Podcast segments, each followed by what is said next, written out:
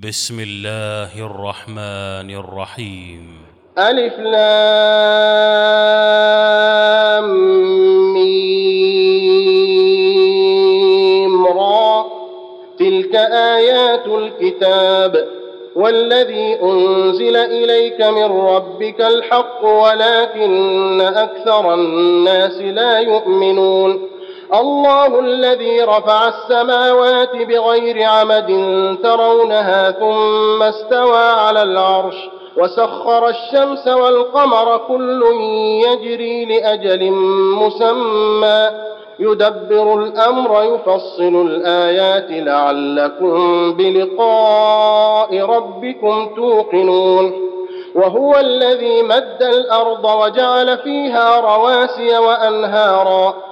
ومن كل الثمرات جعل فيها زوجين اثنين يغشي الليل النهار ان في ذلك لايات لقوم يتفكرون وفي الأرض قطع متجاورات وجنات من اعناب وزرع ونخيل صنوان وغير صنوان صنوان وغير صنوان يسقى بماء واحد ونفضل بعضها على بعض في الأكل.